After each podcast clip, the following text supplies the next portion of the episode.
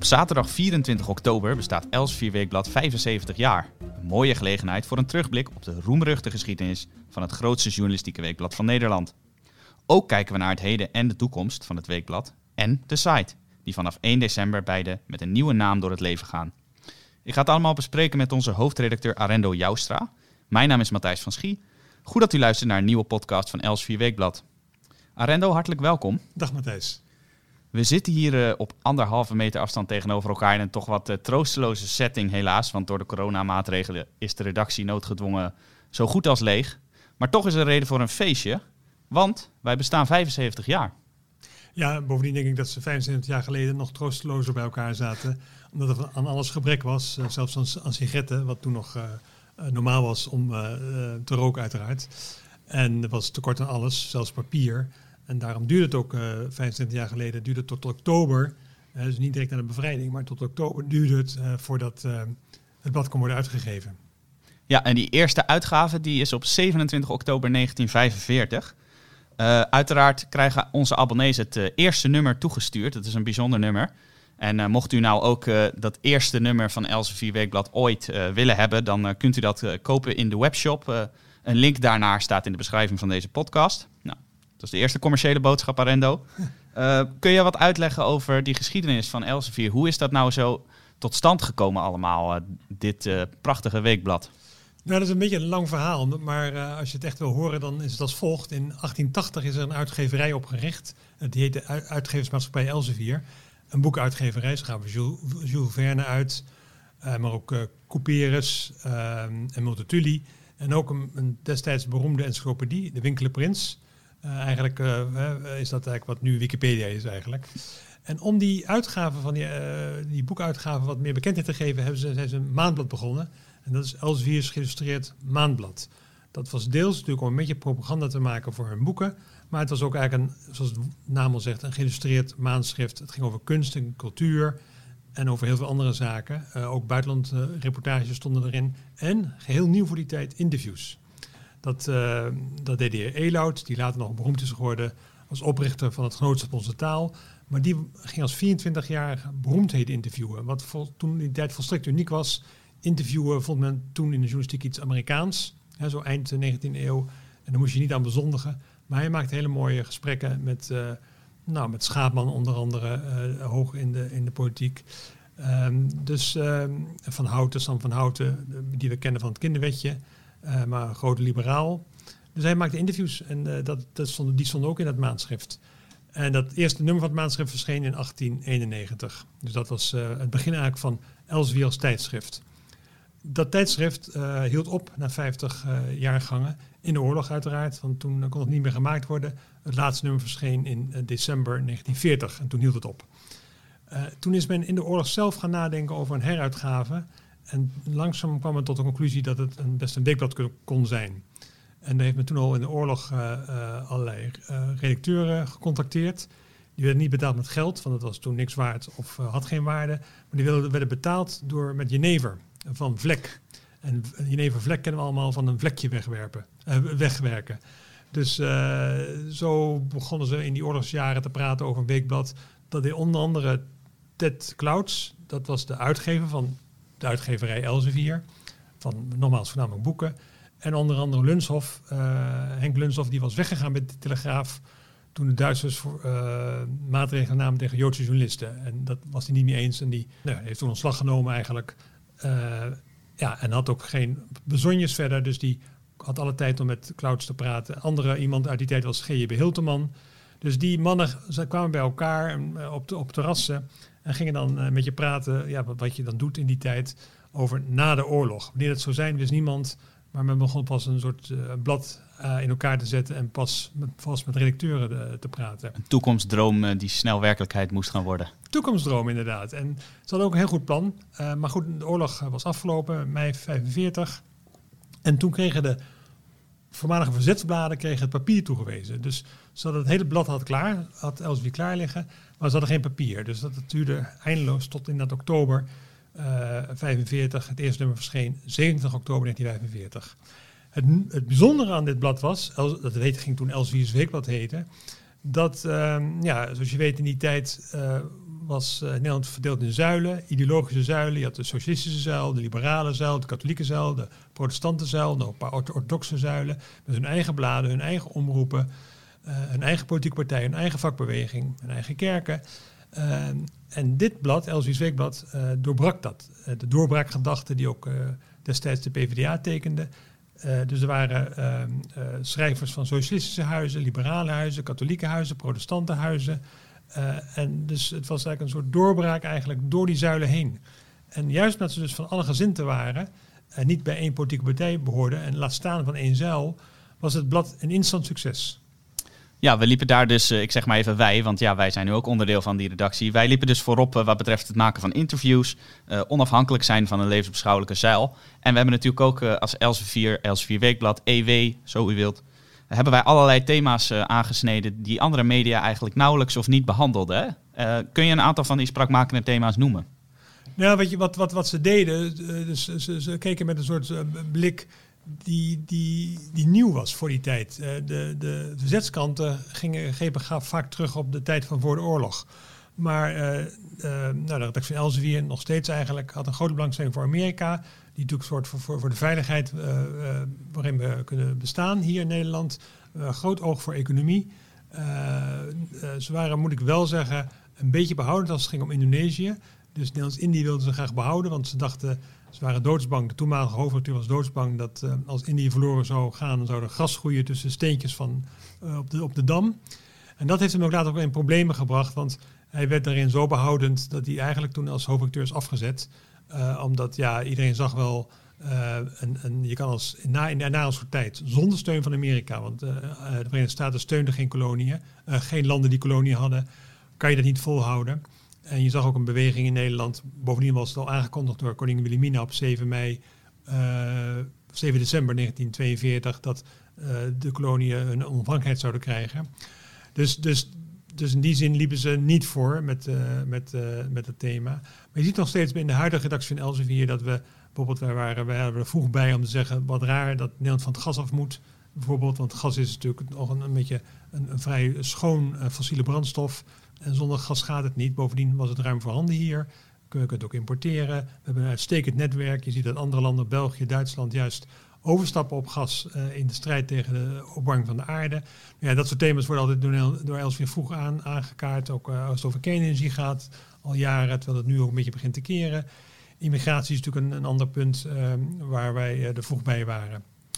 Ja, wat je zegt inderdaad, het begint nu langzamerhand te keren. Een aantal van die thema's die wij hebben aangesneden. Je zegt het al, klimaatbeleid, immigratie, Europese Unie bijvoorbeeld. Uh, dat zijn thema's inderdaad waar uh, Elsevier wat, wat eerder kritische noten bij heeft geplaatst dan veel andere media.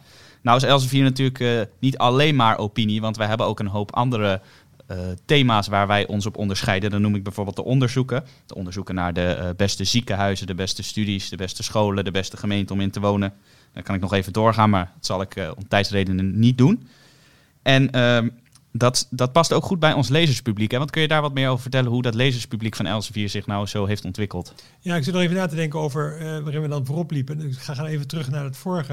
Het is meer misschien zo dat wij altijd snel erbij zijn om te zeggen dat de keizer geen kleren aan heeft.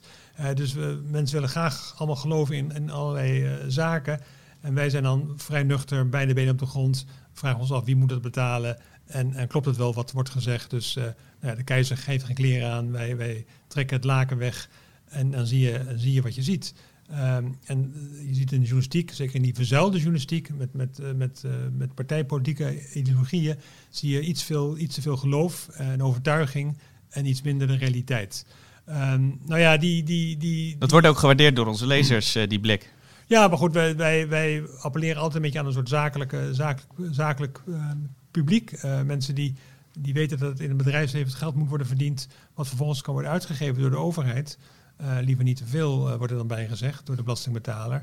Maar vanaf van oudsher zag je ook al in het eerste nummer, waar een hele pagina is, wordt besteed aan de beurskoersen, maar ook aan, aan, aan macro-economisch beleid, ook aan, aan financiën, bedrijfsleven. Vanaf dag één heeft Elsevier altijd een, een, een, eh, veel oog gehad voor, voor het zakenleven, voor het bedrijfsleven, voor wat er nou, in de staatshuiskunde, dus het huishoudboekje van de staat, omgaat. En dat tekent natuurlijk ook een beetje de lezer. En dat is een, soort wisselwerking. Uh, en de meeste weekbladen bekreunen zich niet echt om de economie. En dat doet, heeft Elsevier traditioneel wel gedaan. Het was zelfs zo dat, dat er op een gegeven moment ook een aparte Elsevier ontstond. En die heette Elsevier EW voor de zakenman. Dus een paar katernen die alleen maar bestemd waren voor, voor, voor, de, voor die, die categorie lezers. Waarbij ook heel veel personeelsadvertenties stonden, tot wel 40 pagina's lang. ja, wat heb je, dat is nu allemaal vuurstuk naar internet.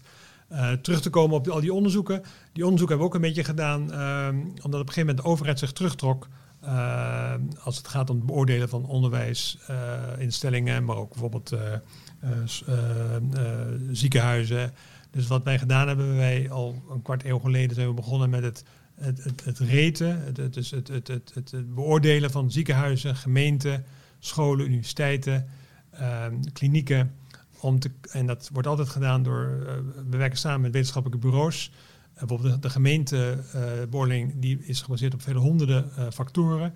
Dus we gaan niet over één nacht ijs. Het is niet zomaar een soort koffietest. maar het wordt echt beoordeeld door vaak mensen die er zelf ook betrokken bij zijn. en die onderzoek doen. En dat, daar krijg je dan een lijst met beste ziekenhuizen of beste gemeente of beste studies. Ja, dus ook in die zin is de onafhankelijkheid is goed bewaard bij die onderzoeken. Dan wil ik nu nog eventjes over naar een ander aspect van waarin Elsevier zich onderscheidt en onderscheiden heeft, namelijk diverse lezingen. we hebben begin vorige maand, begin september, hebben we de HJ schoollezing gehad door Klaas Knot. En dat is een inmiddels heel beroemde lezing, omdat dat eigenlijk de aftrap is van het politieke jaar. En zo zijn er nog een aantal andere lezingen waar wij als Elsevier in voorop lopen om iets aan te kaarten. Nou ja, ja, dat klopt Matthijs. Dus je, je, het moderne uh, opinieweekblad of journalistiek weekblad doet veel dingen. Het gaat van, van, van tweets en Twitter en Insta Instagram postings tot en met het uitgeven van boeken. Die hele, uh, dit, alles wat ertussen zit doen we ook. Een van de events, uh, het tegenwoordig, of bijeenkomsten die we organiseren, is de HJ schoollezing. Dat is, die is altijd bedoeld, hij is genoemd naar de voormalige hoofdredacteur van Elsevier, Hendrik Jan Schoo die uh, hoofdredacteur was van uh, 1993 tot, uh, tot en met 1999. En um, die is vrij vroeg overleden, op, op, eh, in het begin 60 was hij. En als eerbetoon hebben we toen die lezing opgericht, in 2009 volgens mij.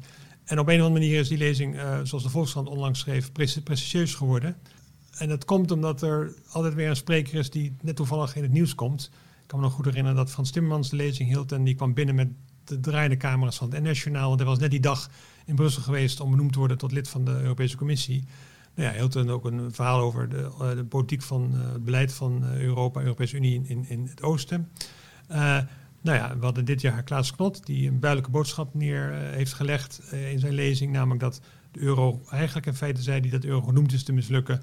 Als we niet een stap vooruit zetten met een soort ja, verdere integratie van de Europese Unie. Vorig jaar natuurlijk Hoekstra gehad.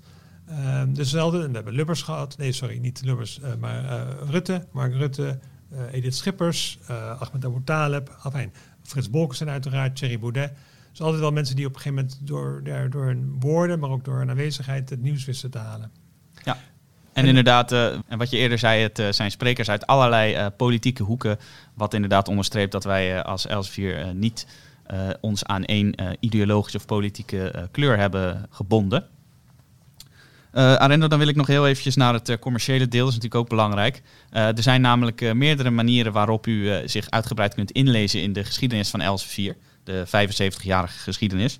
Dat kan onder meer dus door het al genoemde jubileumnummer, het eerste nummer.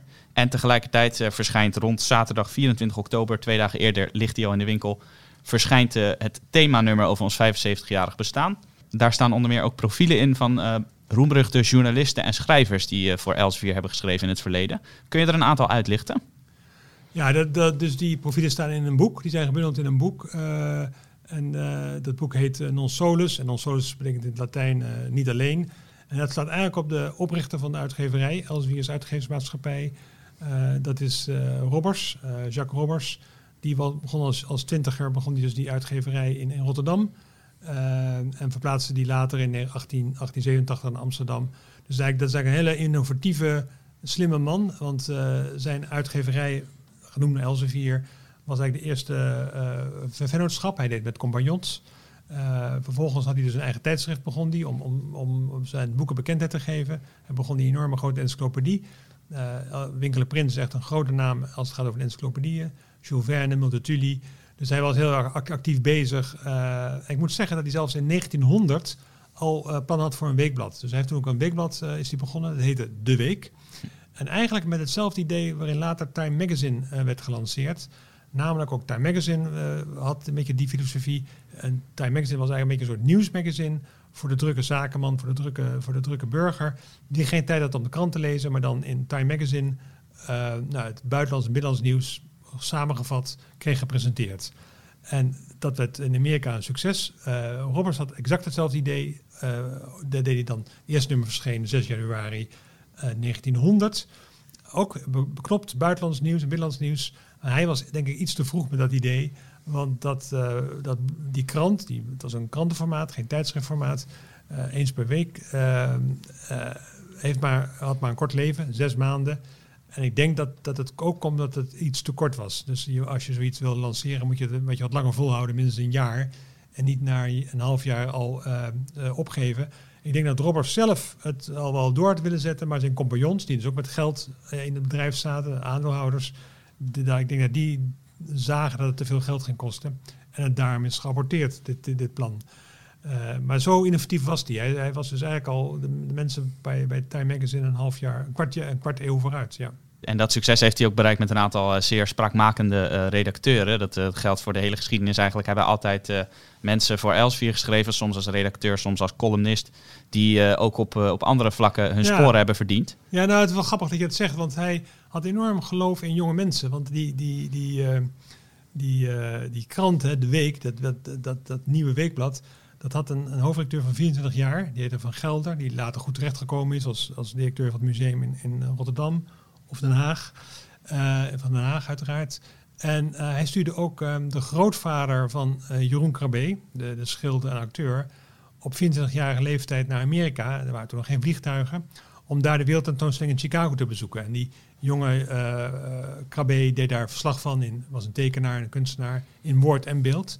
In een serie verhalen waarin hij dan verslag deed. En nogmaals, de eerder genoemde Eloud, die ging interviewen, was ook een twintiger. Dus enorm vertrouwen in, in jonge mensen. En, dus dat is, vind ik wel mooi dat hij dat deed. En, en kenmerkt eigenlijk, nou ja, zoals je weet, Matthijs, hebben nog steeds heel veel jonge mensen hier op de redactie rondlopen. Nou, A, ze krijgen de kans. B, we leren er veel van. Het is inspirerend. En ze weten ook weer een ander publiek te bereiken. Dus dat zit een beetje in de genen en DNA van, van Elsevier. Ja, dat is zeker waar. En als u nou uh, nog meer wilt lezen over wie allemaal voor Elsevier hebben geschreven in het verleden, de beroemde journalisten en schrijvers, onder wie Pim Fortuyn uiteraard, Harry Mulisch, W.F. Hermans en nog vele anderen, dan kunt u dat dus lezen in het jubileumboek Non Solus, Uitgevers en Gouden Knapen. En dat is verkrijgbaar in onze webshop. Een link daarnaar kunt u vinden in de beschrijving van deze podcast. En dat geldt uiteraard ook voor een link naar de webshop, waarin u ook het eerste nummer van Elsevier kunt kopen. Rendo, tot zover nu even de geschiedenis, maar er is natuurlijk ook nog een, eh, een heden. We zijn hartstikke trots dat wij na 75 jaar Elsevier maken nog steeds het grootste opinieweekblad van Nederland zijn. Het spreekt voor zich uh, dat wij dat tot in lengte van dagen willen blijven en dat wij onze lezers dezelfde kwaliteit willen blijven bieden als ze van ons gewend zijn. Zowel op papier als online, ook sinds een aantal jaren. Hoe staan we er op dat gebied voor? Ja, het gekke is, dat, dat gaat eigenlijk goed. Nogmaals, we hadden het over de jonge mensen die hier werken. Dus dat helpt enorm ook om, om op die manier ook journalistiek te bedrijven. we zien het afgelopen jaar zien we het aantal digitale abonnees stijgen. We gaan nu richting de 10.000 en dat is natuurlijk een geweldige prestatie. Volgens mij lopen we daar ook een beetje voorop in de, zoals dat heet, de tijdschriftenbranche. Ehm, en ook natuurlijk omdat wij een betaalmuur hebben. Dus uh, dat gaat eigenlijk heel goed. Uh, we verdienen ook geld met online. Wat ook belangrijk is om natuurlijk je voortbestaan te verzekeren. In de journalistiek wordt altijd natuurlijk een beetje raar aangekeken tegen het maken van winst of, of überhaupt geld verdienen. Maar je hebt dat nodig om een stevig fundament te hebben om voor te bestaan. Zoals, nou ja, zoals Nederland een stevig fundament, fundament had financieel toen, uh, toen de coronacrisis uitbrak, uh, in tegenstelling tot Italië, zo heeft nou, onze uitgever One Business een stevig fundament als het gaat om het uitgeven van dit weekblad. Ja, jij noemt al even de coronacrisis en het is wellicht aardig om te noemen, ook voor onze luisteraars, dat het zal u niet zijn ontgaan op heel veel plekken het opeens heel rustig was. En dat gold bijvoorbeeld ook voor de eh, winkels op Schiphol eh, en op de treinstations. En dat heeft natuurlijk ook gevolgen gehad voor onze losse verkoop. Maar tegelijkertijd hebben we gezien dat uiteindelijk het aantal betalende lezers nog steeds is toegenomen. Hè? Ondanks die crisis en ondanks die, uh, ondanks die terugtrekkende losse verkoop op sommige plekken. Nou ja, dat, dat was, was wel even spannend natuurlijk in het begin. Omdat je, wij verkopen tamelijk veel losse nummers op Schiphol en natuurlijk in de treinstations. En die vielen natuurlijk allemaal weg. En toch heeft de lezer ons weten te vinden, want we liggen natuurlijk ook in andere winkels, zoals bijvoorbeeld de supermarkten zijn een uh, hebben een belangrijke rol uh, op, overgenomen eigenlijk van Schiphol en, en stations. Dus de losse verkoop is nauwelijks aangetast, wat wel een wonder is, want ik denk zoiets van 40% van onze verkooppunten viel, viel weg. Er was ook heel veel behoefte, er is nog heel veel behoefte bij lezers aan goede, duidelijke informatie. Er circuleert natuurlijk op internet, dus niet, niet, niet het internet van de reguliere pers, maar op internet circuleren nog wat vreemde verhalen over corona. Dus je ziet ook een beweging van, van lezers en burgers en kiezers naar, naar, de, naar, de, naar de, de, de, journalistieke websites, uh, waaronder Elsevier, om voor goede informatie. Dus in die zin uh, is dat, is dat, uh, ja, is het, is dat eigenlijk een zegen. Dat is waar, toch nog iets, iets goeds inderdaad aan die ellende die corona met zich mee heeft gebracht. En uh, je noemt het al, uh, de, de behoefte aan uh, betrouwbaar nieuws en achtergronden, die wordt steeds sterker. En daarvoor kunt u natuurlijk ook terecht op onze website ewmagazine.nl, want daar verschijnen dagelijks nieuws, achtergronden en opinies. Sinds enige tijd ook podcasts en sinds kort ook een videoreeks over de Amerikaanse verkiezingen, de Holland-Amerika-lijn. En zowel naar onze podcastpagina als naar die videoreeks kunt u links vinden in de beschrijving van deze podcast. Nou, Arendo, dan hebben we het nu dus ook even kort gehad over onze actuele situatie. En het is misschien goed om uh, af te sluiten deze podcast met een uh, korte blik op de toekomst. Want zoals ik uh, in de introductie al zei, vanaf 1 december krijgen wij een nieuwe naam. Kun je daar wat meer over vertellen? Ja, we, je zegt het goed. We hebben veel geschiedenis, maar daardoor ook misschien veel toekomst. wel onder een nieuwe naam. we hebben mee gesproken over de geschiedenis van Elsevier, die dus in 1945 begon met een weekblad. Dat heette Elseviers Weekblad. Dat werd door de lezers uh, al snel afgekort, afgekort tot EW. Uh, Elseviers Weekblad is een mond vol. En uh, nou, zij zeiden dan heb je het EW gelezen of zo. En die afkorting gaan we ook gebruiken vanaf 1 december als naam, als nieuwe naam. Dus we gaan dus uh, Weekblad wordt EW. verder verandert er niks. niet de koers, niet de redactie, niet onze opvattingen en, en, niet onze genen, want die blijven natuurlijk altijd hetzelfde. Alleen de naam wordt anders uh, van Elsevier Weekblad afgekort tot EWE. En dat is een korte naam die ook veel uh, bruikbaarder is op uh, online. En ook natuurlijk in onze podcast en onze videoboodschappen. Ja, wat je zegt, het lijkt me een heel mooie boodschap om mee af te sluiten. Onze naam verandert dan wellicht, maar inderdaad, aan de rest verandert niets. Eerst de feiten is nog steeds ons motto met een opgewekt, optimistische en ondernemende toon. En daarbij schromen wij niet om gevestigde opinies op basis van argumenten en feiten tegen te spreken. Arendo, we zijn aan het einde gekomen van deze podcast. Hartelijk dank. En onze luisteraars wil ik natuurlijk ook hartelijk danken. En wilt u nou meer nieuws, achtergronden en opinies lezen, dan kunt u nogmaals surfen naar www.ewmagazine.nl. En bent u nou nog geen abonnee en wilt u dat graag worden, ga dan naar www.leeselsevierweekblad.nl. Mijn naam is Matthijs van Schie en ik wil u nogmaals hartelijk danken voor het luisteren. Graag tot de volgende keer.